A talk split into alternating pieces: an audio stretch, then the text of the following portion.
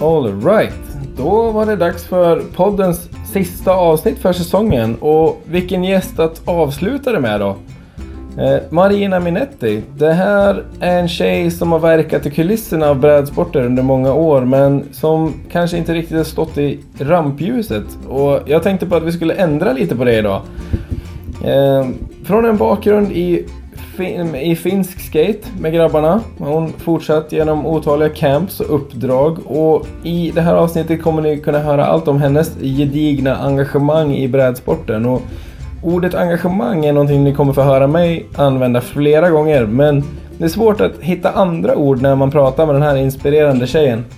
Ehm, men eh, utan, utan vidare presentation egentligen, välkomna till min och Marinas konversation om ett liv i sidled.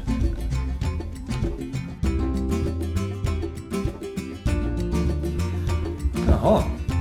Ja men då, då, är vi, då är vi igång. Det var lika bra att sparka igång den här på en gång. Ja, det tycker jag. Eh, Marina Minetti.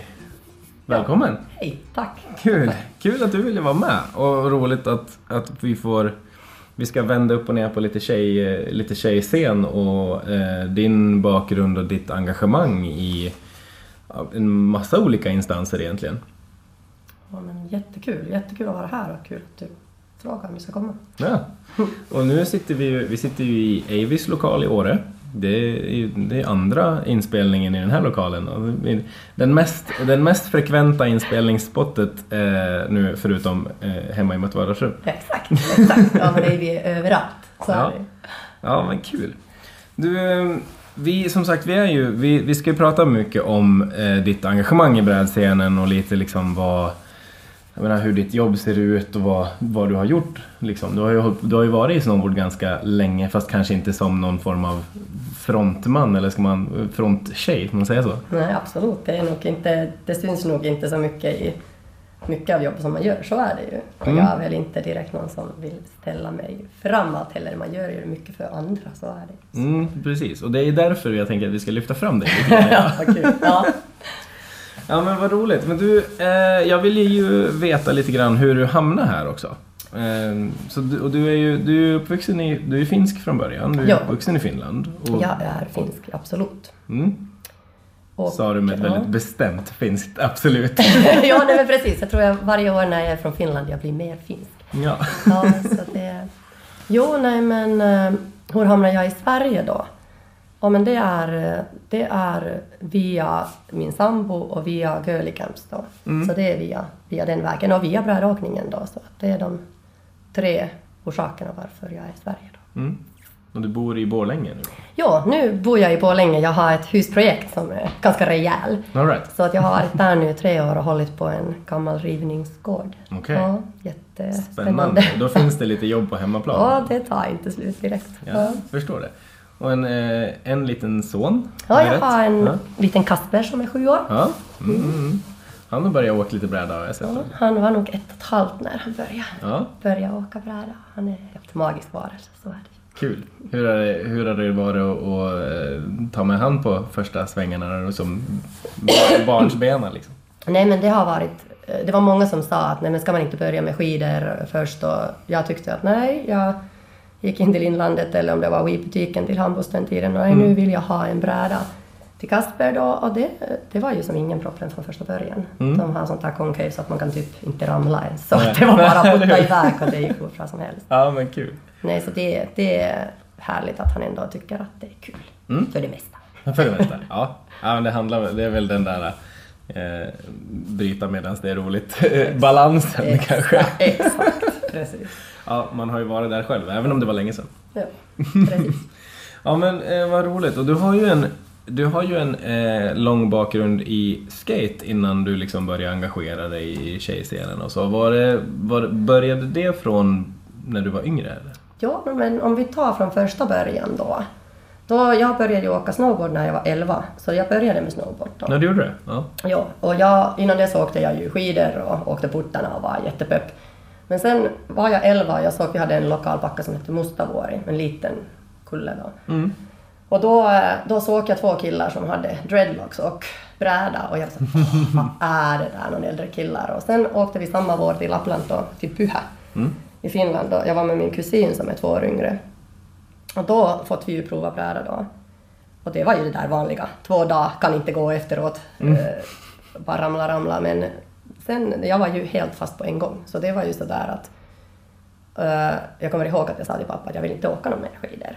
Och eh, någonstans sen när hösten kom och nästa vinter så då fått jag första brädan. Då. Sen åkte jag jättemycket tills jag var 14 så det var ju tre vintrar. Sen blev jag ju sjuk. så, just det. så jag kunde inte hålla på med någon idrott för många år överhuvudtaget. Nej. Och så då någonstans bröt det, men det tog ju som inte slut med själva kärleken till brädsporterna. Sen var det ju så att sen blev det ju sväng med, med graffiti och allt eh, galnigheter som kan finnas och kopplas till det. Mm. Och någonstans var det väldigt vilda år och jag växte med killarna. Jag har alltid, hela uppväxten var som med killarna. Och sen någonstans var det ju så att det var ju två gängar. Det var ju som graffiti slash den här gänget och sen skatekillarna då. Och sen jag tror när det började bara gå djupare och djupare då kom ju skatekillarna att Marina nu räcker det. Här är bräda till dig, nu är du typ med oss. Ja. Och då är jag ju nog 18 då. Mm. Och sen var det ju på den vägen. Det är som sju killar som jag växte upp med, alla är sponsrade skateboardåkare. Och det var ju det enda som fanns i hela världen. Så då var ju, nästa åren var ju, handlade det om det och det var ju helt fantastiskt att växa med de killarna. Men det är lite roligt att man från det är där var man är idag och jobbar åt tjejerna, för det hade nog ingen trott då. Så Nej. det är som en lång resa på det viset. Och sen, som sagt, jag började inte åka snowboard igen innan så jag träffade min sambo när jag var 26. ja. Så att det, det var en Hade- lång, lång paus där. Mm. Hade ni några, år där ni fokuserade mer på skatescenen då? Absolut. Det, var ju de, det var ju verkligen så. Det var ju, och jag kanske åkte någon gång snowboardbacken, men det var ju så. I Finland har det alltid varit ganska tvådelade scener. Mm. Så att det var ju verkligen skatet och snowboarden var ju någonstans långt borta. Just det. Var det någonstans där i, jag menar, i vart någonstans i, eh, i brädscenen, alltså skatescenen kom du i kontakt med, med engagemanget då? För jag tänker, för the girly camps har du jobbat med ju. Ja. Det var det, om jag, om jag inte missminner mig helt, så var det lite mer där det började ta fart i att engagera sig lite mer, eller? Nej, Nej. nej. Det, men det, det, där började engagemanget mot tjejer. Just det. Men jag började ju, jag jobbade först i skatebutiken hemma, Kartel. Sen jobbade jag på skatehallen, så jag hade skatehallen där. Sen jobbade jag åt våran tidning som hette Däcki och, De- och TV också för TVn då. Mm. Och det var ju, jag tror, jag, vet, jag är inte helt säker på det här men jag tror att det var en företag som var kopplat till Transition också den tiden. En finsk Okej. företag, Rocksport hette företaget. Jag tror att det är så, jag är inte helt Rocksport säker. känner jag igen. Ja, exakt. Så jag jobbade åt Ja. Rocksport då. Och eh, så det var ju, sen var ju min närmaste vännerna, de har ju sina egna skateföretag och sådär, så det blev ju, arrangemanget har funnits där sedan dag ett. Mm. Så att nej, så det var ju inte riktigt, men sen som sagt, hela tjejgrejen började sen med Girly. Mm. Hur kom du i kontakt med girly camps? Ja, men det, det är så här att jag hade länge, jag har alltid älskat havet på något sätt och jag är inte växt upp med, jag, jag är växt i inlandet. Mm. Och sen, vi skejtade, vi reste mycket de sista åren och jag ville alltid gå och prova surfa. Och killarna bara vadå, vi har inte tid för surfa. Jag bara, nej men jag vill. Och sen, då var det tiden som, alltså internet var ju som ganska nytt på något sätt. Och då sen jag kollade någonting runt i internet och då kommer jag till en sida som hette Curly Camps. Och det var så här att det som var största i min ungdom var att jag hade inte tjejer runt mig och jag ville inte riktigt ha dem heller. Jag väx- växte med killarna och eh, jag ville ha det så. Mm. Och eh, jag inte riktigt ens kanske själv fattade hur tvär jag stängde den världen. För jag kände att jag inte riktigt visste hur ska man vara i tjejernas värld. Och sen, men jag bara, nej fan jag vill till den här, den här campen. Och sen, jag kommer ihåg när jag kommer sen till killarna, jag bara, ah, jag ska åka till Girly Camps. Och de bara, vad ska du göra? Åka till Girly Camps.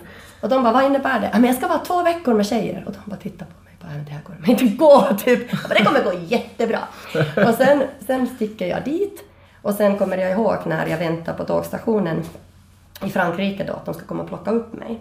Och jag var så nervös, alltså jag var så sjukt nervös.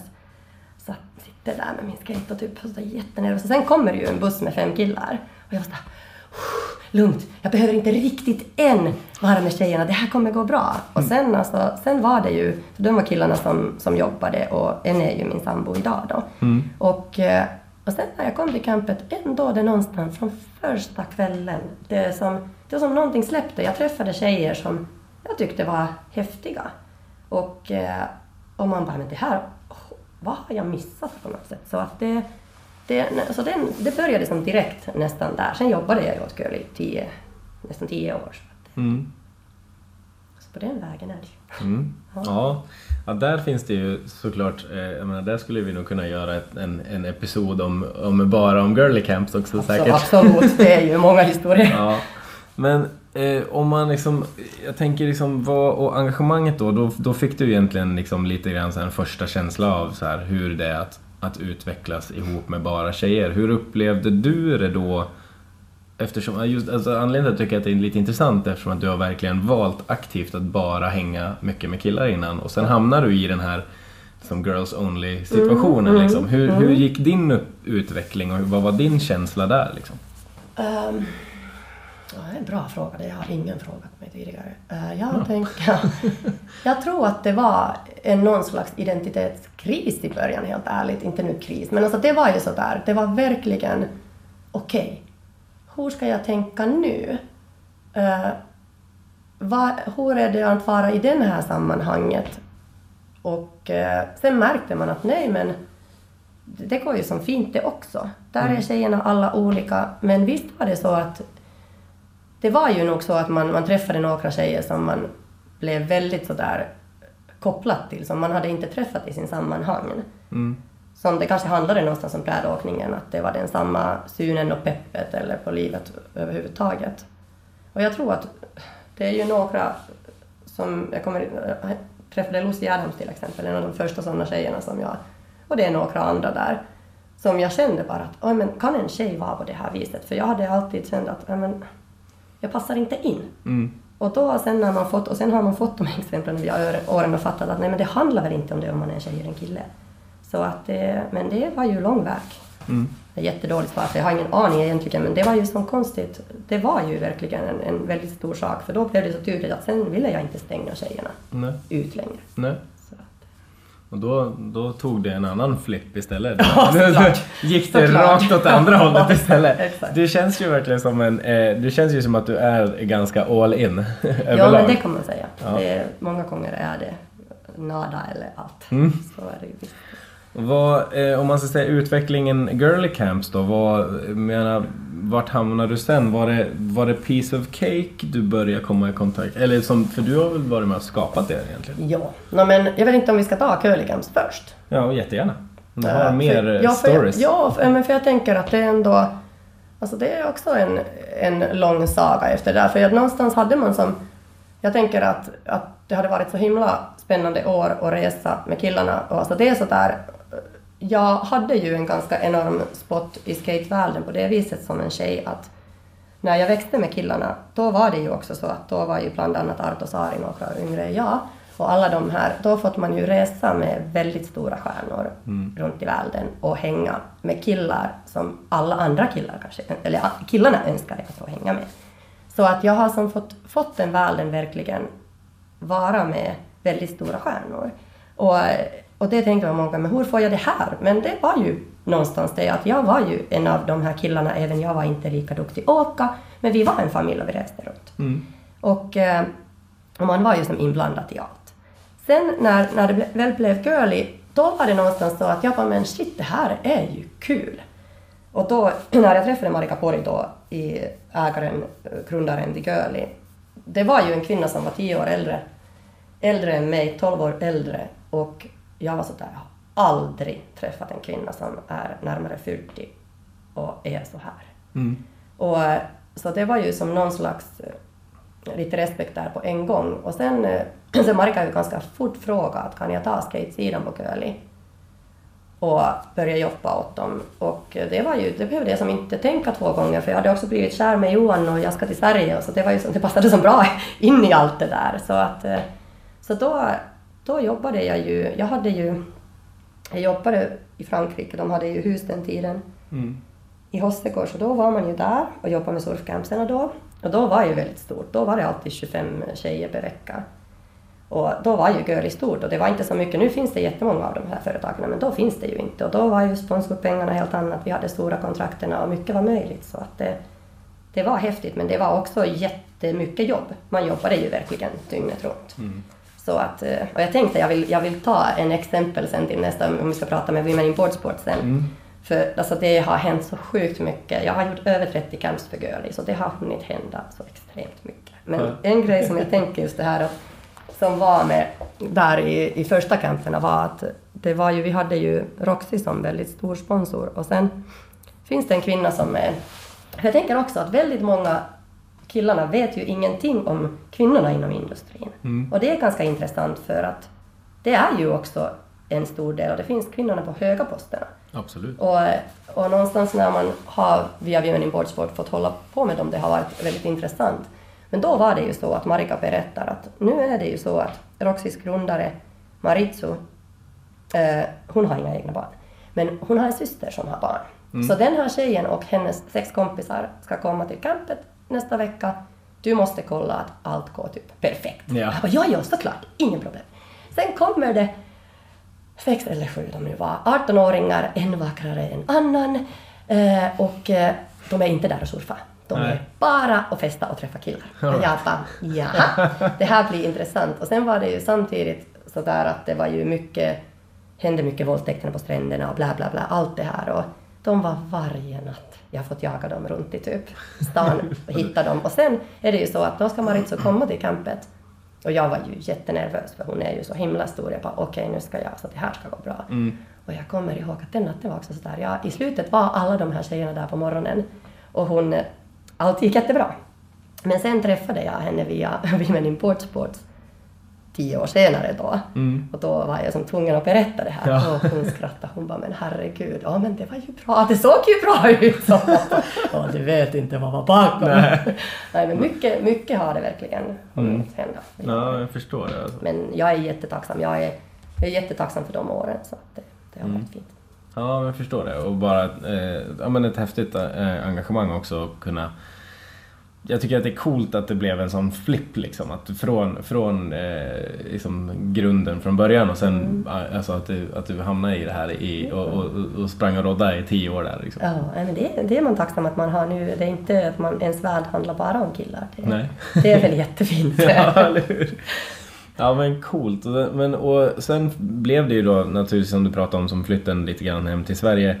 Eh, och var det där, var, var det som då någonstans det här med Piece of Cake eh, tog fart eller? Eh, nej, jag, det var så här att jag och Johan träffades via Girlie 2004 då. Ja. Och sen jag hade ju, jag pratade ju ingen eh, svenska då. Och vi pratade ju engelska de första åren och sen 2006 tror jag det är, då var det ju någonstans dags att någon ska flytta någonstans. Och, eh, Så då kom jag till Sverige då. Och, eh, och det var ganska samtidigt som Girlie flyttade från Frankrike till Sverige. Så då blev det ju också så att då var ju Marika i Sverige också sen. Så att man fortsatte jobba med Girlie och Girlie tog slut, konkursen och hela Foljukan. Vi hade en, en eh, ägare från Stockholm som inte alls var från brädindustrin och det Ja, var ju okej. inte så himla bra grej i slutändan för Ja. hon hade ingen sugen att fortsätta. Och så det, Det fanns ingen, eh, inget driv i det. Liksom. Nej, men eh, hon hade helt annan syn. Okej. Det, hon fattade inte vad det handlar om. om det, det handlar väl inte bara om pengar och, Mm, och nej. den biten. Eh, men så Girlie tog slut, vad kan det vara, 2013, 2014. Mm. Och, eh, och jag, har fått, eh, jag har fått min son 2012. Så det är väl också såklart en stor grej att bli mamma. Jag kan inte vara på resande fot hela tiden. Ja. Och då var det ju som en tom lucka. Jag hade återhämtat mig från graviditeten och, och jag var så där, när Curly tog slut, det var jättetom plats. Jag har alltid haft en projekt på mig. Och det brukar vara så där att det alltid, det bara ramlar på mig. Det kommer någonstans nästa projekt som jag kan ta grepp i. Och sen var det just det här, bara, vad ska man nu göra? Ja, då hade jag ju tänkt, ja, men då ska man väl göra någon tävling. Nu har det inte varit någon tjejtävling. Och sen var det ju så att jag pratade med en vän att men jag tänker att jag ska fixa någon tävling i år. Och då hade hon, för hon jobbade på något sånt där som hjälper ungdomar starta projekt. Mm. Och då var hon sådär, men vet du jag har två tjejer som har den här tanken i år. Jag bara, nej men då så, då, då kollar jag med dem. Och så då började det. Och, och sen kom Silla. Så vi var Silla, Schenk, Karin Långström och Maja Lotteberg då. Så det var vi fyra. Och sen vi, men då började vi rulla ihop med tävlingen då. Mm. Och det var ju också, alltså det var en jätte, jättelyckad tävling. Det blev jättefint. Ja, verkligen. Ni hade ju massa deltagare och Ja. riktigt bra drag. Absolut. Ja. Ja, jag, minns det här ganska, jag minns ju det här ganska tydligt för jag menar som Sunny då, min, ja, min fru, hon Ja. var ju med och drog ihop det här Girls Day Out och det här som hon Exakt, gjorde innan ja. det. Så. Det varit jättefint också. Ja men så var jag, jag kommer ihåg att det var mycket fokus på de här grejerna då Ja. liksom. Så det var, det var coolt att det blev en så stor, ja men en så stor tävling av det. Ja. Sen var det ju lite så att det tog slut lite väl tidigt för vi gjorde två år och jag var inte alls klar med det. Då ska det bli större för att vi första året var ju eh, någonstans alltså koncentrationen få ihop tävling och få dit tjejerna. Mm. Vi var sådär, vi har ingen aning om vi får någon tjejerna ihop för att det fanns inga tjejer. Så vi såg dem inte men vi fått det jättebra ihop och det kom massa tjejer och det var jättekul, jättefint. Och sen nästa år, ja men då ska vi göra en eh, TTR eller världscuptävling då. För då var det ju blivit, då var inte TTR kanske slutade och det blev ju som World Snowboard Tour. Ja. eller vad. Och, och så då blev det ju det. Men sen hade jag ju syn, nej det ska bli större. Att man vill ha det som en stor tjejevent verkligen, internationellt också. Och då var det ju, alltså vi jobbade på det rätt mycket ändå. Och då hade vi ju sponsorerna och allt klart då till vintern, så att allt var ju klart och man var ju superpeppad. Men sen hade vi ju en huvudsponsor som, som inte, då började ju Skistar sin egen webbutik. Och, och de sa i sista stunden att ni får inte ha den här. Och det var ju, alltså skicka mail till Europasponsorerna och tacka nej för pengarna. Det var inte direkt kul. Så Nej, det var det ju, jag. då tappade jag ju väldigt, jag bara, ah, men okej, då får det vara. Jag ville verkligen inte fixa någon tävling för några år förrän man kände att, att allt det där jobb som man hade gjort Mm, gick lite... det var Även det var jättelyckat event, men jag var inte riktigt klar. Nej, jag förstår det. så, så, men men det, det var jättefint och det var jättekul nu. På en camp var det ju så att unga tjejer som inte har varit på Piece of Cake, innan de ska gå ut och åka, de tittade filmerna därifrån och peppade Ja, sig själva. Jag bara, Vad är det för roligt." filmer? Piece of Cake! Vad kul! Så, men det var ju jättehärligt. Ja. Ja, vad roligt. Ja, det, det, det är härligt att det, liksom, det lever kvar lite grann på något sätt. Det finns ju någon form av... Alltså det finns ju ett, eh, det finns ju ett, eh, ett engagemang och ett, liksom ett, ett pyrande, eh, bubblande scen. Men det har ju som, som så här, det känns som att det har stapplat lite på, på pengafronten. Jo, men så är det ju väl i hela industrin, tänker jag. Det är inte enkelt, så är det ju. Nej. Nej, det är lite synd naturligtvis.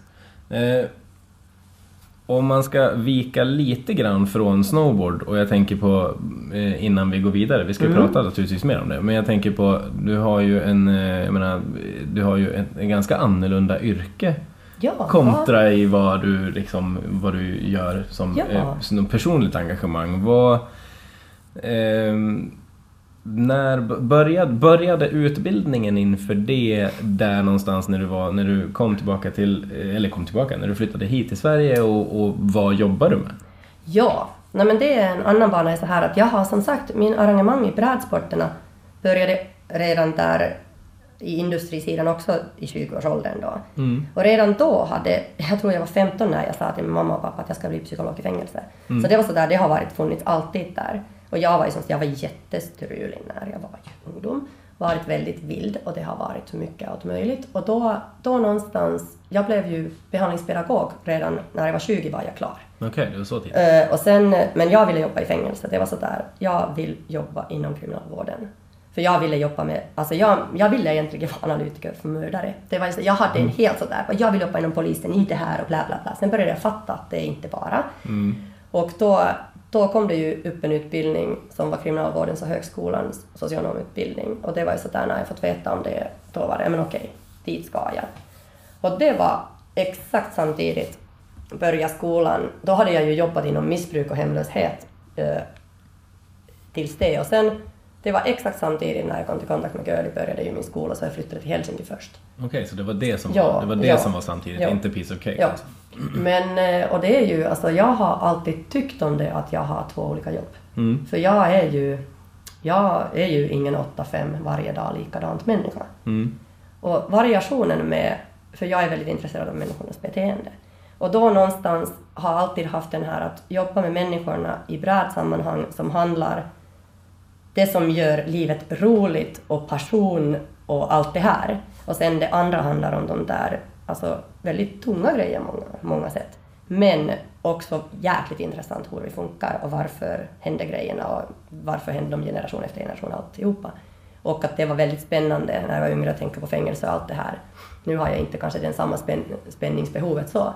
Men nej, men eh, så det har alltid varit de två. Och jag verkligen tycker om båda. Mm. Så att det, jag tänker inte sluta med något av dem. Det är jättebra så här, ha två banor. Så. Ja, eller hur?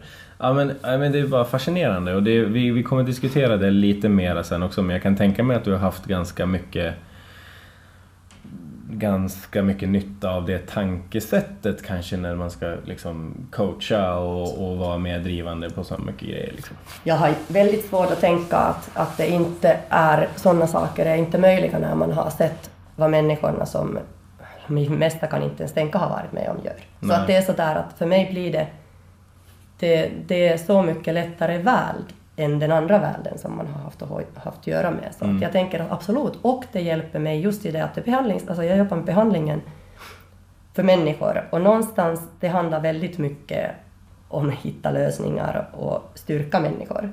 Och då, någonstans det hjälper i många gånger i, inom det vad jag har engagemang i brädsporten. Så absolut, det är absolut nytta i. Mm. Ja. Ja, jag förstår det. Och man är inte rädd. Det också hjälper, att man är inte rädd för situationer. Nej. Det- Ja, coolt. Ja, Det är, det är ganska... Det är, det, är, det är svårt att sätta sig in i liksom eh, grejerna du får hantera på, på det vanliga jobbet kontra liksom, när vi pratar eh, liksom, jämställdhetsarbeten och mycket sådana här grejer i, i förbundet. Och Ja, det sådär. är, olika saker. Ja. Så ja. Nej, men om vi, om vi ska ta det tillbaka lite där. Jag menar, det, eh, så där, då, vi pratade lite piece of cake, vi pratade women in board sports. Ja. Vill du förklara lite vad det är för något? Ja, det kan, det kan jag berätta. Det är också jättekul. Eh, Det är en, vi är en gäng, ungefär kanske 30 kvinnor runt om i världen. Och Women in Sport, Sport startades, Marika som var grundaren för Girly och Danny May och eh, Carmela som var så där, de satt och då var det bara, men vad ska vi göra? Det här går inte att, att vi behöver typ kämpa för våra poster hela tiden mot den manliga världen. Och inte, alltså, inte på ett fel sätt, men att vad ska vi göra? Va- vad är vår roll i det och vad ska vi ta steget framåt? Och då blev ju grunden att men, det blir en konferens. Och då var första konferensen i SASP, det är nu ungefär tio år sedan då. Och det var från första konferensen, alltså helt någonstans häftigt och magisk plattform. Om jag tittar nu tio år senare, alltså var de här kvinnorna som har varit med, var de sitter, det är ju verkligen de många som är absolut högsta platserna inom brädindustrin och speciellt för kvinnosidan då. Så att eh, så det har man och nu jobbar jag med till nästa konferensen då med Alba som har SPES-maggen och det är ju det, vi har ju haft som dagarna går vanligtvis i det att, att vi går igenom våra projekterna. Det är alltid någon som kommer och berättar om det nu är alltså Donna Carpenter eller om det är Maritso eller någon de som är riktigt stora posterna. Och, Ja. och sen har vi ju, alltså, då går vi och surfar, skejtar och åker bräda och är tillsammans. Men att det har Mm. Vi ju... kan, förlåt, Mm, jag, jag bara, om man Jag inte vet vem, ja det går jättebra, men jag tänker bara om man inte vet vem till exempel Donna Carpenter Ja. är och så vi, Ja, vem ja, men hon är Jake Burtons fru. Ja. Som är ju alltså kvinnan bakom Burton om man säger så. V- VDn på Burton. Precis. Ja. Eh, till exempel. Till Så exempel. det, det är ganska Det har varit namn. väldigt tunga namn inom alla surf, skate och snowboard. Så att det är alla egentligen, väldigt många ledande kvinnorna har varit med och det har varit jättefint. För det Mm. verkligen blir så att den här putta på varandra och finnas där för varandra och någon, någonstans kärlek mellan kvinnorna, det finns verkligen där. Det är Mm. jättefint. Mm. Ja, det är coolt. Det, det är ju lite, för jag, menar, jag kommer ihåg, det bubblades och pratades, eh, det började ju pratas ganska mycket om den här Women in Board Sports grejen där ganska tidigt. Vi var ju, jag och Sanny var ju i SASFE mycket under den här tiden, när, Ja. liksom runt 2008 där, Ja. där det började hända Ja. lite grejer liksom. Eh, så det är ju jäkligt coolt om jag får säga ursäkta språket att, att ha sett lite grann utvecklingen. Och så är det ganska häftigt att sitta här med dig nu och få höra lite om det. Ja, det är jättehäftigt tycker jag också. Det har hänt enormt mycket. Mm. Och eh, just det här att det är, när man kan sätta det i det perspektivet. Först vara där var, alltså jag hade enorma problem när jag växte upp och ska skata och alla stirrar på mig. Alltså det att jag som tjej skater, det var helt koko för många. Alltså det var sådär, ja men vad kan det vara en sån grej?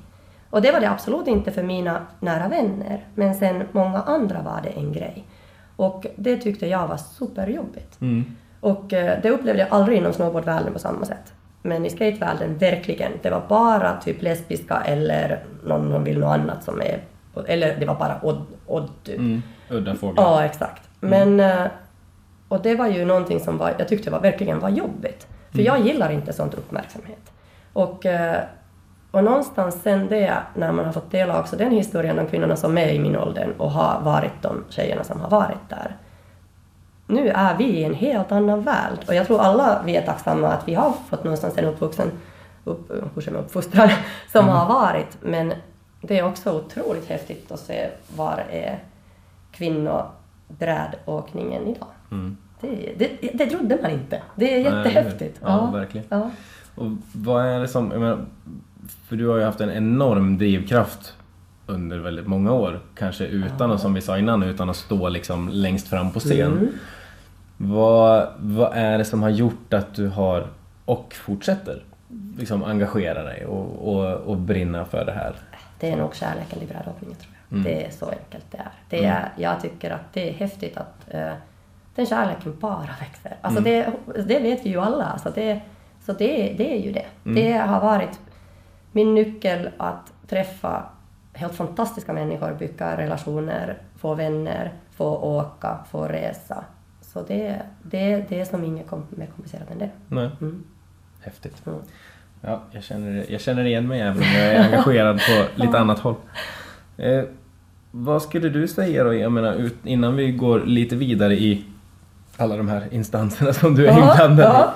Jag menar, om man, om man, vi pratade lite om det innan, jag tänker liksom kulturmässigt eh, och just att, att den här pushen på liksom girls only-grejer har börjat bli så pass tydlig och så pass stor. Upplever man, upp, eller upplever man som, som tjej att det är tufft att komma in bland killarna liksom kulturmässigt? Hur har det där sett ut? Liksom? Jag menar, jag, om, man säger så här, om man säger så här, om jag ska förtydliga mig lite grann. Absolut. Jag anser ju att, att kulturen, alltså snowboard överlag, är väldigt inkluderande. Så här, gillar man att åka bräda har man något sätt, någonstans gjort samma val och alltså, då har man samma utgångspunkt. Men det är inte alltid superinkluderande. Nej. Fast man, liksom, man tänker kanske inte riktigt på det. Okej, men om du ser ut och gör som alla andra då, då, är du, då är du game och då är du med. Men den tuffa frågan är väl kanske att så här, alltså, sl- släpper brädscenen in någon som kanske är lite udda fågel Ja. eller sådär. Liksom. Nej, och det, det tänker man mycket. Man har själv alltså, någonstans kunnat koderna. Växt upp på gatan Ännes eh, som råtta där som ung. Man har ju haft de koderna från början och då var ju brädåkningen verkligen alltså, mycket mer underground vad det är idag. Och någonstans nu idag, idag är det ju såklart väldigt annat men det finns fortfarande enorm kulturell, alltså alla de här hemliga koderna. Och man någonstans tänker det då när det till exempel kommer tjejerna, tjejerna till de sammanhangen som är de udda fåglarna. Och då är det ju såklart någonstans blir en lite sånt där mammaskyddskänsla många gånger. Att Okej, hur, ska, hur ska man nu vara där? Att den övergången går smooth på något sätt. Att det inte kommer för mycket krockat. Eh, för jag tycker det är just intressant för att det är väl, själv tänker jag många gånger att de där udda fåglarna, om vi tänker att vi är en kreativ kultur, det är väl där många gånger den häftiga kreativiteten ligger. Eller hur? Så att det, de som är likadana och följer, jag tänker att där kanske inte alltid kommer så mycket nytt. Mm. Så att det, men absolut, jag, jag kan inte riktigt svara till den frågan, jag vet inte riktigt. Jag har alltid själv fått vara inkluderad och det här att killarna versus tjejer, det är killarna som har alltid inkluderat mig. Jag har som vanan som för mig har killarna alltid gjort och gör fortfarande. Så att jag har aldrig upplevt till exempel det där att, att man inte får komma klart, alltså jag menar klart man inte kommer alltid killarnas fel, men jag menar att jag har aldrig upplevt att det har killarnas fel någonting. Nej. Men just det här att komma som udda fågel, det spelar ingen roll om du är kille eller en tjej. Jag tror att det kan vara jättetufft. Mm. Men, eh, men eh, ja, samtidigt jag tycker att det ska verkligen inte vara för att det blir ju rikare om olikheter. Ja, verkligen. Jo, men det är som du säger, så snowboard Snowboard om något är ju eh, extremt, eh, ska vi säga, trendpushigt. Ja, men liksom, exakt. att, det kan eh, gå till så- alltså, löjlighet. Ja. Ja. ja, men det är väl ett härligt, eh, ett härligt svar eh, egentligen ändå. Men om, om vi säger att, alltså, om, om kulturen i sig, är så, kulturen är ett konstigt ord, men om, om vi, platsen erbjuds ju mer och mer som eh, Girls Only och sådär. Eh, det känns som att det blir en annan utveckling. Man hamnar i den miljön, får lite mera, eh, även om det nu är liksom att eh, oavsett om det är för att man har varit ensam tjej där hemma, Mm. man kanske inte har känt att man har kunnat pusha sig in med killarna eller, eller inte haft liksom någon inspiration eller Mm. vad det nu kan vara. Eller om man är ett tjejgäng som bara inte känner ja, att man mm. man är tjejgäng eller? ja, inte kan ta den platsen. Mm. Utvecklingskurvan lite grann när man kommer på ett så här Girls Only eh, event pratade vi om lite innan. Där känns det som att helt plötsligt där man kommer i en miljö där man kan slappna av kanske lite mer och få en annan inspiration. Då finns det typ ingen hejd på utvecklings- utvecklingskurvan. Nej, men det är ju det som, som är ju så otroligt häftigt och som man har ju fått uppleva genom alla de här åren.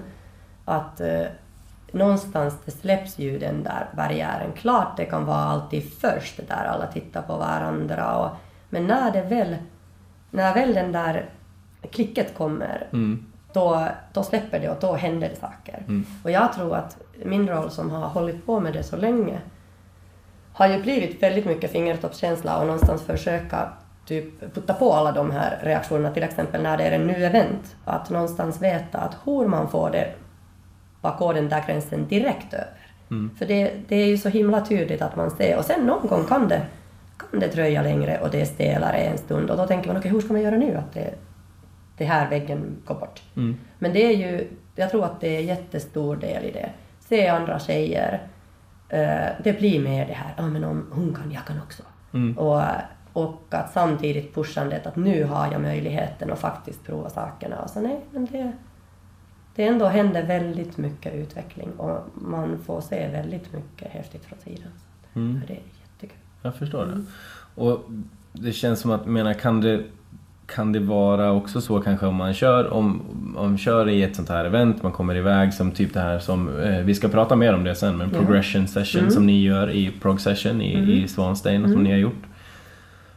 Om man hamnar i den miljön då kanske det, och, och liksom kör den, då kanske det blir lättare att få den här säkerheten att man sen kliver ut tillbaka i parken med killarna Absolut. eller liksom på berget och känner att man har en annan trygghet. Ja, det är väl inte att man ska bara komma dit och vara där en vecka och sen vara i samma punkt där man Nej, var innan. nej, men precis. nej, absolut inte. Nej, och det, alltså det är det viktigaste att vi har ju enorm alltså jobb inom svenska scenen typ, att den är ju verkligen liten, den är tillbakadragen, den är nivåmässigt, alltså den är jättehäftig, det är inte det jag menar, men jämföra många andra länder ligger vi mycket bak.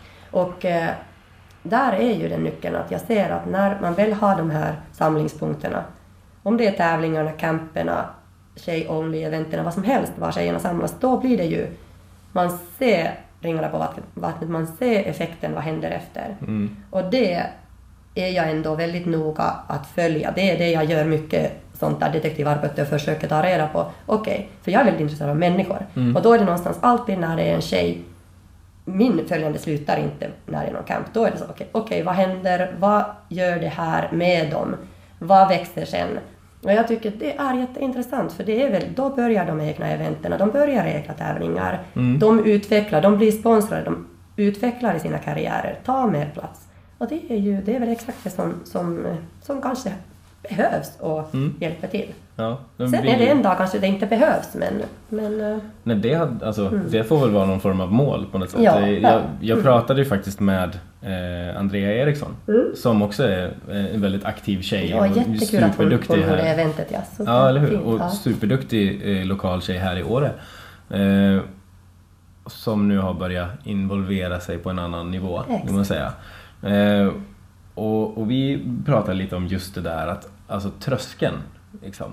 Att den, den kan vara, tröskeln att, att det blir lite utelämnande. Att stå liksom signa upp på den där tävlingen stå där och, och, och hamna i spotlightet. Liksom. Och, och där kanske man då, om man, om vi kan, om man kan agera lite stepping stone då med de här campsen och allting, där man precis. kanske får den här styrkan på ett annat sätt.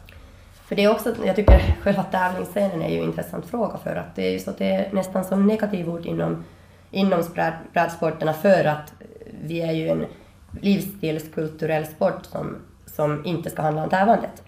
Men grejen är någonstans så att, att eh, nu också när man jobbar med förbundet såklart blir det mer tydligt men jag tänker också att om vi inte har de här eventerna då är det jäkligt svårt att bygga på det. Det behöver inte såklart bara vara tävlingar men, men man ska inte se den här tävlingen så himla negativt. Nej. Det är ju inte alls det. Alltså det är såklart det är varje enskildas val att vara med eller inte. Men jag tänker till exempel Andreas event. Ja, men det är skitbra att hon gör en sånt här event var man är i lag, har jättekul.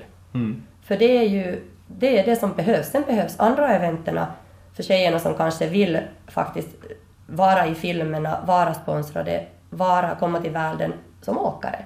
Så att det är ju de båda världarna behövs.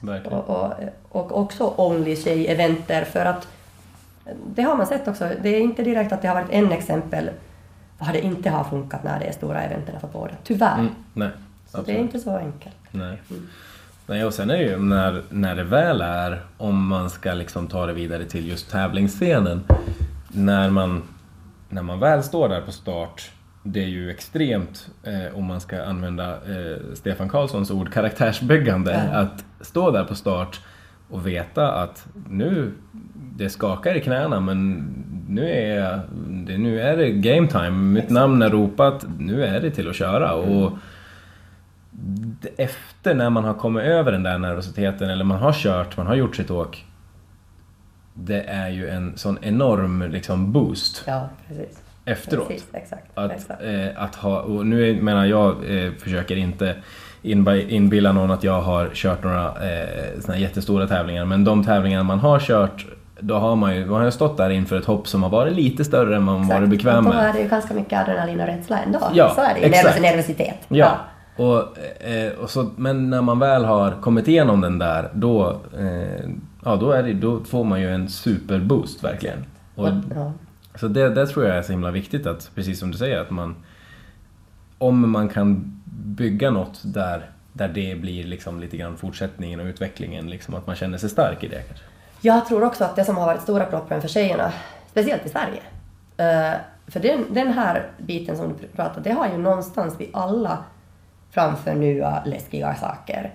Men det som jag tror har varit också en stor lite problem i, inom svenska scenen är att det är väldigt få tjejer som faktiskt någonstans har viljat tävla eller sådär. Och, och det är väl det att jag tror via olika eventerna, när den massan byggs upp, då blir det inte lika stor den där tröskeln. För då är det plötsligt där kanske 20 tjejer med dig istället att där är två tjejer. Och då blir peppet också, och hela den här pushen mer och roligare. Absolut. Så att det är ju, jag tänker att det är ändå en nyckel. Ja, absolut. Sen Och ser då man ju- blir det inte lika utelämnande. Och sen, jag märker nu det att när det är de här yngsta tjejerna som börjar tävla, de har inte riktigt det där samma lika mycket. Nej. Någonstans barn har ju, om man väl kommer till, dit, det kanske inte är lika mycket den där tröskeln. Och, och så att, eh, ja men vi ska jobba på att det blir nu mer och mer tjejer. Så är det. Mm, det låter bra tycker jag. Ja men grymt. Eh, om man, när vi ändå är på tävlingsspåret. Eh, du har en sak som, som jag vet att ni jobbar en del mot och som någonting som ändå är man tycker inte att det ska behöva vara så och det håller ju på att ändras men det har ju varit en historia av att kanske inte belöningen har varit lika stor för tjejer om vi pratar tävlingsscenen. Eh, och man känner kanske att eh, liksom, risken och belöningen inte riktigt eh, lirar om man ändå ska Ja. sätta sig själv on the line lite grann. Mm. Vad- och, men där jobbar ju ni väldigt mycket i Ja. Women in Board Ja. Sports mot det här. Ja, väldigt, absolut. Och det är ju, någonstans kan man tänka också så här att det går ju hand i hand, steg för steg, att industrin växer för kvinnornas sida. För att jag tänker också någonstans hur det såg ut. Att eh, kvinnorna hoppade ju mindre hopp och kvinnornas sida var väldigt mycket mindre och eh, det var ju väldigt få kvinnor som blev pro i de här sporterna. Och visst, deras, deras sits var inte roligt som verkligen blev stora, men jag tänker de att det har ju också varit så att det har inte varit egentligen så konstigt hur det såg ut för det någonstans tycker jag att jag hittar ändå en sätt varför det var så. Men när kvinnorna väl och väl har kommit mer in då har det ändå du vet hängt efter. Mm. Och det är ju väl någonstans det att, att då växte ju förväntningarna för kvinnorna men rewardet kom ju inte eh, samma takt. Nej. Och Women in Boardsports, vi har haft alltså, många stora exemplar, för det här var ju en börjarfråga, vad gör vi åt den här saken? Alltså kvinnobilden i industrin, inom sexualisering, för, mot sexualiseringen och sen eh, alltså helt enkelt prispengarna, lönerna, alltså allt det här. Och eh, det har ju tagits många strider. Det är eh, Kim Woosi som till exempel är, hade maffia i, jobbar inom skate, den här alliansen. Och där är ju enorm jobb, så för skatescenen har det ju hänt mest. Alltså det är helt sjukt vad har hänt där. Och då någonstans, de har gjort enorm jobb i det att få situationen med X-games, med allt det här att kvinnorna kommer efter. Och nu när man bara tittar LS, SLS och X-games, det är en helt annan situation. Absolut. Och sen exempel Corrie Schumacher som är, som är surfvärldsmästare några gånger, hon var ju väl sponsrat för Roxy. Och är ju världsmästare. Och sen var det ju så här, tanke, hon, är, hon är själv lesbisk. Och då är det ju så här att den här hela sex, surfindustrins sexualiseringen, det blir så där att "Nej, du måste typ posera, eh, det visas bara rumpa och tuttar. Ja. Och någonstans hon bara fått fullständigt nog. Jag tror det samlades om det var över 30 000 namn. Mm. Och då gick hon typ in till, in till kontoret och bara lägger de här namnen. Mm. Nu, fan det räcker, det här Det- går inte Det är så längre. jäkla bra. Ja, och sen faktiskt då blev hon av med sin, sin sponsor där och då. För det var ju sådär, men vad håller du på med? Mm. Men någonstans om man inte tar de där striderna, hur ska man göra? Ja. Så att det är ju, det är sådana stora saker.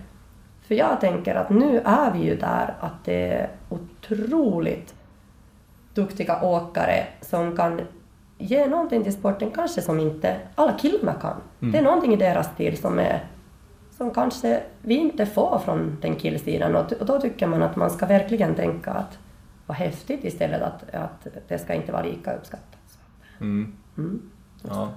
ja men det är ju det är grymt att det finns liksom en, det, fin, det finns en push för det. Sen hoppas man bara att det Ja, man, man vet ju att arbetet fortgår liksom. Mm, mm. Eh, Det är lite intressant det du säger också om, om just så här, eh, men just det du säger om, om olika tankesätt och, och hur, eh, ja men lite hur, ja men hur tankarna är mellan, mellan killar och tjejer. Att, Ja. att tjejscenen kanske inte kan få allt från eh, killar i industrin. Liksom. Eh, vi har ju ganska olika tankesätt och det där eh, som, som coach är ju det där någonting som, som du har eh, erfarit såklart. Jag har ju också liksom, ja men inte på någon form av professionell nivå men eh, coachat och lärt ut lite med både tjejer och killar och det, det är annorlunda. Det är olika, det är Absolut. två olika saker. Våra hjärnor är olika. Mm, ja men det är det.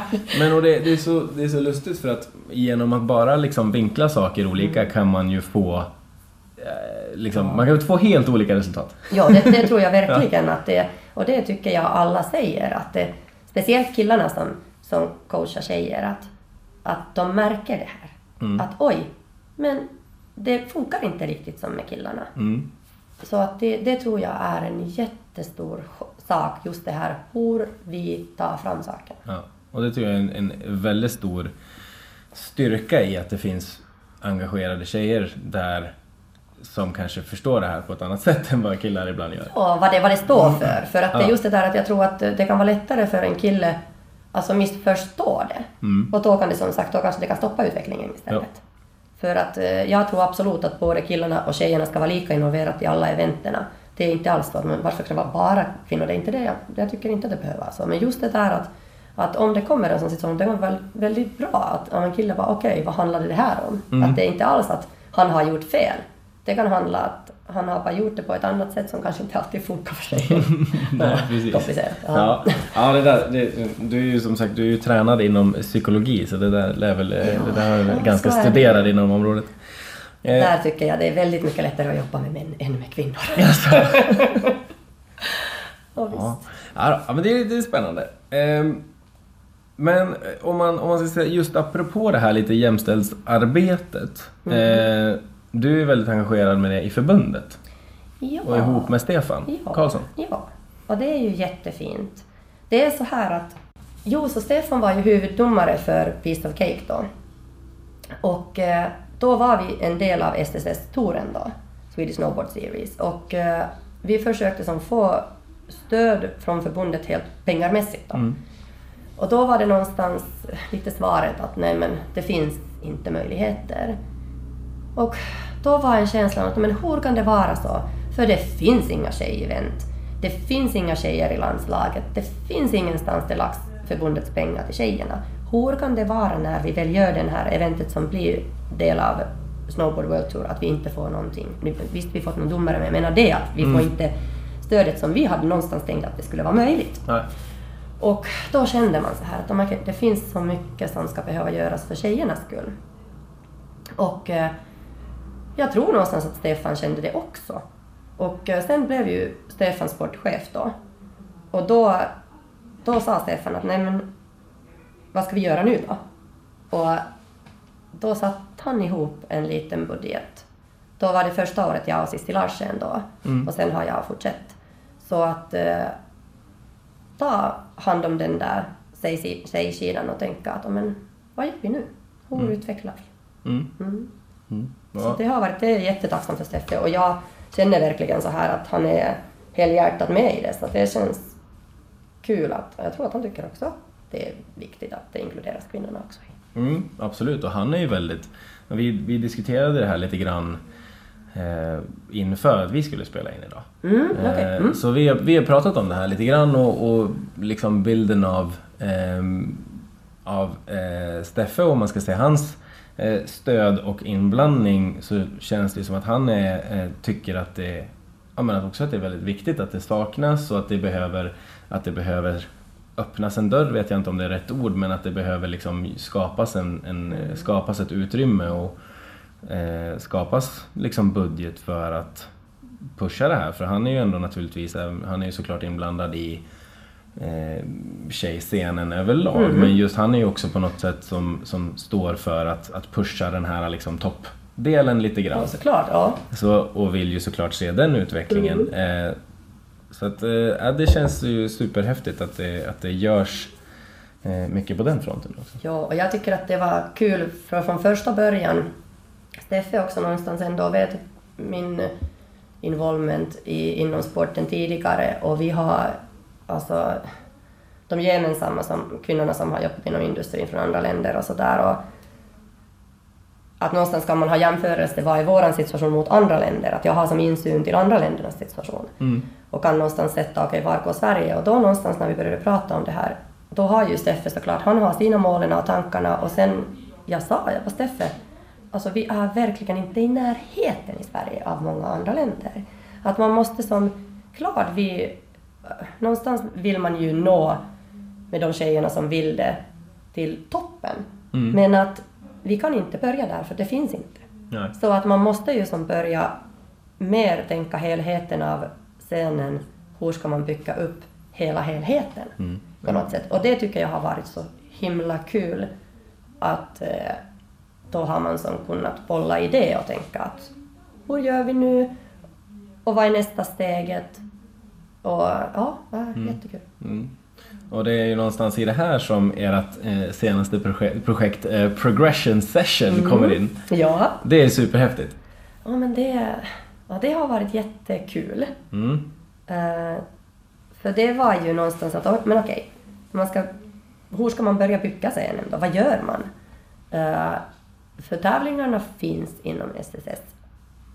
Och det har inte riktigt funnits nu andra tjejeventen. Nu gjorde Andrea, men det har funnits väldigt lite. Mm. Men det var någonstans det att okej, vi måste börja där att samla ihop tjejerna och börja bygga. För jag egentligen tänkte så här, "Ja, men man vill ju ha som tjejerna i landslaget, om det handlar om topparna och resultaten och allt det här, då måste det ändå synas att men vi har en landslag, var finns tjejer? Vi har en utvecklingslandslag, vi har eh, tjejerna som vi lägger pengar i, helt, alltså helt så om man tänker statisti- statistiskt. Mm. Och då tänkte man, okej, hur, hur ska man börja bygga? Och då tänkte man, men då vill jag göra någonting som involverar de kvinnorna som är inom industrin. De som bygger park, de som filmar, fotar, åkarna, med, alltså de som eh, är någonstans influerade, influerar scenen på ett annat sätt. Och då tycker jag att eh, det var som började tanken, men vi försöker få ihop tjejerna. Och då måste man ju också ha samlingspunkt. Och sen handlar ju camperna om åkningen, att tjejerna ska utveckla sig. Vi samlar de tjejerna som vi ser kör på och ha en syn att utveckla i sin åkning. Så är det ju. Mm. Men att det, är- det är där vi börjar. Mm. Och vi har nu haft det tredje året Mm. med campserna då. Och nej, det har varit så sjukt fina veckor. Och det har redan hänt mycket och jag säger mycket som har hänt. Alltså sen vi började, det är väldigt mycket olika re- resorterna, skidanläggningarna som kontaktar mig. Det är många olika tränare som kontaktar mig. Jag får veta om tjejerna för jag kan inte ha koll på alla unga tjejer eller som helst. Så att det, jag ser att det händer på det viset också redan saker och det har hänt mycket annat. Så det, det är jättekul. Mm. Häftigt. Om man är lite nyfiken då på progression session, eller progress session som ni kallar det Ja, ja, för det var faktiskt så här. Proc, när vi tänkte namnet, det är ju aldrig, aldrig lätt med namn. Nej. Men sen bara, äh, det blir en session som tjejen ska utveckla, då blir det väl progression session då. Och det var som inte egentligen kanske tanke att det är något som fastnar. Men sen, vi bestämde det namnet och sen tog det kanske en månad när jag och Cissi upptäcker att jaha, i Mammut finns en tjej snowboard eh, grej som hette progression session. Det var helt sjukt. Jaha. För det var exakt det som fanns. Och när vi kollade andra progression session, det fanns inte, men det fanns exakt en tjej snowboard. Mm. Men då tänkte vi, okej, men det, det blir inte snyggt mot dem då. Så då Nej. blev det ju proc session. Ja, ja, ja, ja Mm. snyggt. Ja, det är coolt. Men eh, om man som sagt, om man är lite, om man är lite nyfiken då, vad, vad gör ni för något? Vad gör vi för något? Eh, vi har gjort camps. Och då är det ju... ehm, då har vi en camp som vi bygger en park som känns lagom nivå för tjejerna. Som att de ska utveckla, göra nya tricks. Så att det ska inte vara för stora saker, inte för små. Bra variation. Sen samlar vi ihop tjejerna som någonstans visar intresse och visar motivation egentligen alla åldrar. Um, och då, sen har vi ju, vi har ju haft landslags, eller alltså förbundets tränarna, jätteduktiga tränare. Och då åker ju tjejerna med tränare de dagarna, alltså det är verkligen åka, åka, åka. Och sen är det ju alltid filmare och fotograf och om möjligt, de ska helst vara tjejer. Sen har vi haft tjejerna som har byggt verket delvis och så att mycket någonstans involvera och ha en plattform var vi kan avchecka vilk, hur går det för tjejerna, vilka är tjejerna som finns, eh, vad är behovet, vad är nästa steget. Eh, så att jag tror att det är någonstans den där börjarpunkten var Mm. man försöker som, som får ihop det här och, och kunna fortsätta. Jag har ju, i Finland är ju två av mina vänner, Nora och Satu, Satu är faktiskt nu president för alltså Snowboard Federation i världen, det är jättehäftigt tycker Mm. jag. Men de har ju, Satu och Nora hade ju mycket, kanske inte exakt likadant, men väldigt mycket grundarbete i Finland. Och man har verkligen sett vad har hänt där. Och finska tjejerna var på campet i Svanstein förra vår. Och det är ju någonstans man tänker att, att man vet ju det att det behövs samlingspunkterna och typ checka av när man vet att man ska, alltså att man ska någonstans. Mm. För det är ju det är en lång väg. Eller jag ändå säger att, att det är väldigt mycket utveckling som, som ska komma. Mm. Så att det, och sen är det ju... Det har varit väldigt häftigt. Vi har fått vara i Svanstein. Det är stängt för alla andra. Vi, vi har det och alltså Ingemar, och Johan och Jakob har behandlat oss som prinsessor. Det har varit helt jätte, jättefint. Mm. Och någonstans att eh, också Stefan har gett den möjligheten att men okej, vi vill göra det här för att vi ser att det här ger frukt sen. Och ja, men det har varit jättekul. Och nu i år hade vi två camps. Och första gången var friski-tjejerna också med på Stöten-campet då. För att det, det är sen annan steg att man ska börja göra för friski-tjejerna också för, för Stefan har ju både. Mm, och precis. eh, jag har Caroline Edvall nu som är jätteduktig tjej som, som håller den tråden då. Just det. Eh, Så att, eh, mm, och nu är nästa, nästa års planering är fullt gång. Mm, jag Vad förstår ska det. hända sen? Ja. Ja. Och är man nyfiken då kan man hitta det via Instagram och så naturligtvis. Ja. Och vad, vad gör man om man är nyfiken och vill veta mer? Ja, jag tänker faktiskt att det har ju... Det är ju det att eh, vi har gjort någon film varje år och det kanske inte finns... Det finns nu en, en ganska ny Instagram-konto så där kan man se bilder. Men man kan alltid kontakta mig, kontakta förbundet. Uh, jättegärna. Mm. Så att det är som sagt, oj, oj, ja.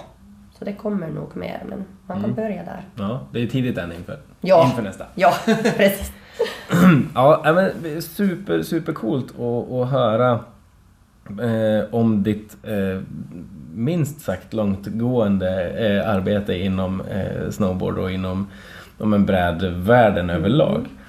Eh, så eh, ja, jag vill egentligen, jag, jag vet inte, har vi något mer som vi behöver täcka?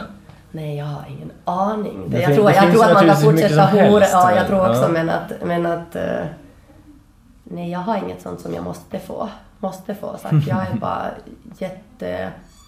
Jag tycker det är jättekul att, att se vad det är som händer. Att man kan ju som tänka alltid att "Ja, men vart är våra sporterna på gång? Ah, det blir så här och så här. Men istället någonstans följa med och se att det händer jättespännande saker hela Mm. tiden. Så att det, Fokusera på det som, fokusera på det som görs och det som Mm.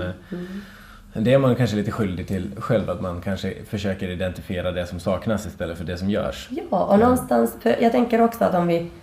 Alltså att ändringen är ju, det händer ju konstant. Och det är delvis, då är det alltid att en del av industrin blir annorlunda än det har varit och blir något nytt, men att jag försöker värda det som har varit och ta från det, det bra som har varit och vara tacksam att jag har fått vara med vad, man har fått vara och sen någonstans nyfiket titta till det kommande. För man har ju ingen aning vad det, vad det blir på något sätt. Nej, eller hur? Som till exempel nu är, är den här eh, alltså hoppkudden på väg till, till Kläppen. Och, och, eller det blir nog ändå Kläppen troligen. Och det är ju också en sak som, som jag tänker att, att eh, för att utvecklingen är ju där. Nu att riksdagen, nu är det så, man måste ha en kudde att man inte dör, dör typ. Ja. Och eh, så då är det, det är ju också väldigt annorlunda som det kanske har varit. Men sen får man se och spännande titta, vad, vad ger den?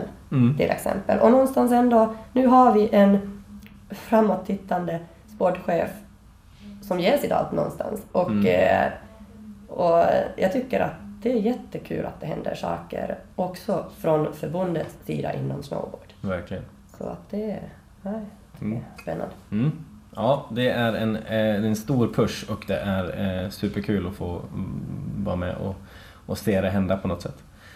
Jag hoppas att jag har, vad säger man, försökt eh, porträttera det på ett bra sätt.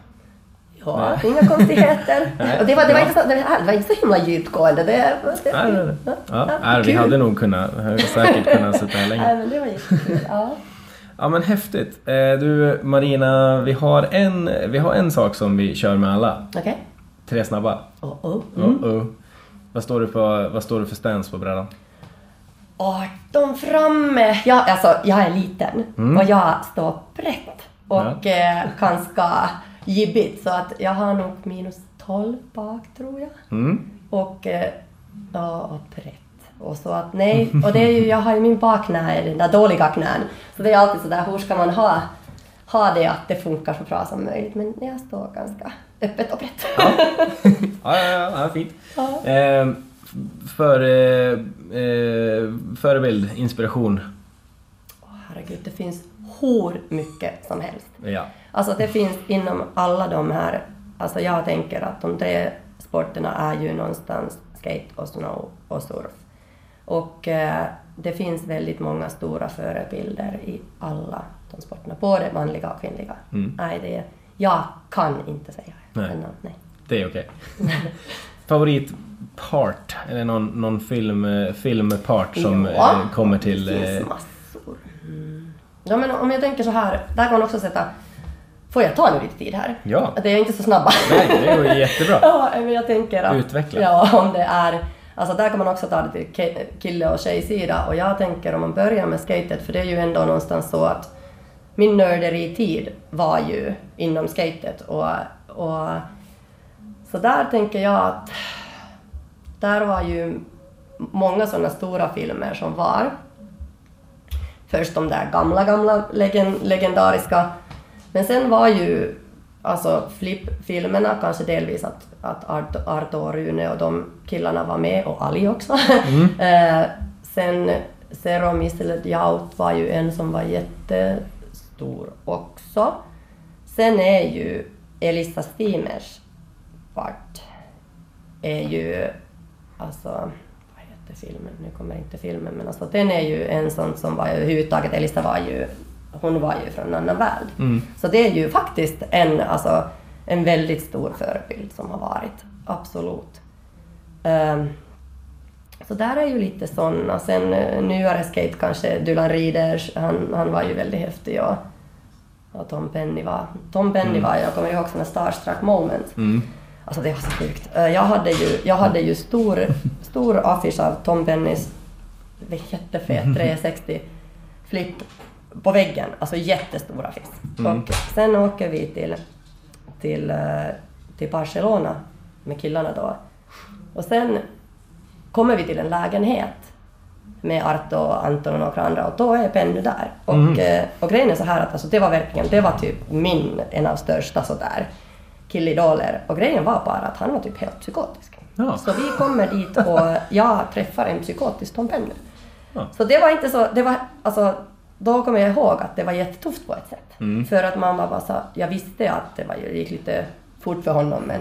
Bilden sen, ja, ja. Sen träffade jag honom faktiskt några år senare när han var i bättre plats. Ja. Men, eh, men så de var sådana förebilder och, och de filmerna, den tiden, flippfilmen var en stor... Ja, och sen mm. var det ju... Det var några, det var väldigt lite tjejparter men det var Jamie Race, Elisa Steamer, det var ju några sådana stora. Snowboard, där tänker jag alltså Pirat och Absint-filmerna tidiga. Mm. Nicolas och Gigi, ja. där är Futureproof. Oh, det är ah, båda parterna ja. jättefina. Otroligt bra. Ja. Och sen äh, tänker jag att alltså, det är ju många, många fina, men jag tror jag att många gånger jag föredrar ändå backcountry-parterna framför varför street-parterna. På mm. något sätt, alltså inom snowboard, tänker jag. Och ähm, sen där är på tjejsidan gamla, alltså Victoria Chelous Mm. Ja. Hanna Biman, alltså helt otroliga faktiskt. Sen tänker jag, alltså Jess Kimura, Desiree ja. Melankon, alltså båda helt otroliga. Så att, ja men där är ju sådana lite. Mm. Som jag ändå nu kommer på. Ja, mm. Mm. ja härligt. Mm. Ja, det, är alltid roligt att, att, att höra vart, eh, ja, men vart, man, vart man drar inspiration ifrån. Ja, ja, absolut. Eh, coolt! Du Marina, eh, återigen tack så jättemycket för att du eh, ville komma och eh, berätta lite om vad du sysslar med. Kul, tack! Och så, så kommer vi och eh, vi kommer följa arbetet helt ja, enkelt. Men jättekul! Ja. Tack att jag fick komma, det var jättekul! Ja, tack. Härligt!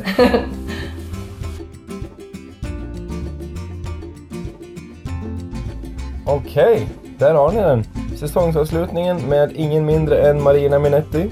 Som ni hörde så gör hon ett otroligt viktigt jobb och som sagt som kanske inte alltid syns lika mycket. Men jag hoppas att ni känner att ni fick lära känna henne lite närmare och hennes insats lite, lite mer och få lite mer koll på vad som, eh, vad som händer bakom, eh, bakom scenen helt enkelt. En liten rättelse i det här avsnittet måste jag lämna från vår diskussion om Girls Day Out. Eh, jag nämner ju att min kära fru Sanny startade det medan fallet faktiskt var ju så när man minns tillbaka lite att hon tillsammans med en tjej som heter Gabriella Palumbo startade något som heter No Matter What Camps i Åre medan tjejerna bakom Inspire Us, Anna Karlström, Caroline Strömberg och Rebecca Harlå var de som skapade Girls Day Out. Eh, rätt ska vara rätt och de tjejerna förtjänar verkligen en plats i den här diskussionen med tanke på alla bra grejer de gör med Inspire Us. Kolla in dem om ni får eh, tid och möjlighet. Eh, ja, det var alltså det sista avsnittet för i år. Snowboardåret har ju verkligen tickat på i rasande fart och helt plötsligt är det vår igen. Uh, Aperitif Team Battle, Stuntwood Sessions, Spot Battle, Nitro Good Times bland annat. Ni, eh, ni hör ju, man eh, önskar att man kunde hinna med alla. Ett event dock som fortfarande är kvar och det har nämnts i ett flertal avsnitt. Ni vet vilket det är. Riksbank Slalom. Jajamän. Passa på att komma upp till gränsen och uppleva magin. Snowboardpodden kommer att bjuda på ett litet kvällsevent där alla kommer kunna delta. Eh, passerar ni oss grävandes i backen så stanna till. Kom och bjussa på ett par spadtag eller en eh, high five bara. Eh, häng på i Norgesvängen och känn stämningen tills dess. Eller tills nästa höst. Tack till er som har ställt upp på att sitta ner och berätta er historia. Utan er hade det inte funnits något att prata om. Och Svenska Snowboardförbundet som har stöttat det här projektet. Tack så mycket för i år. Vi hörs till hösten. Hej!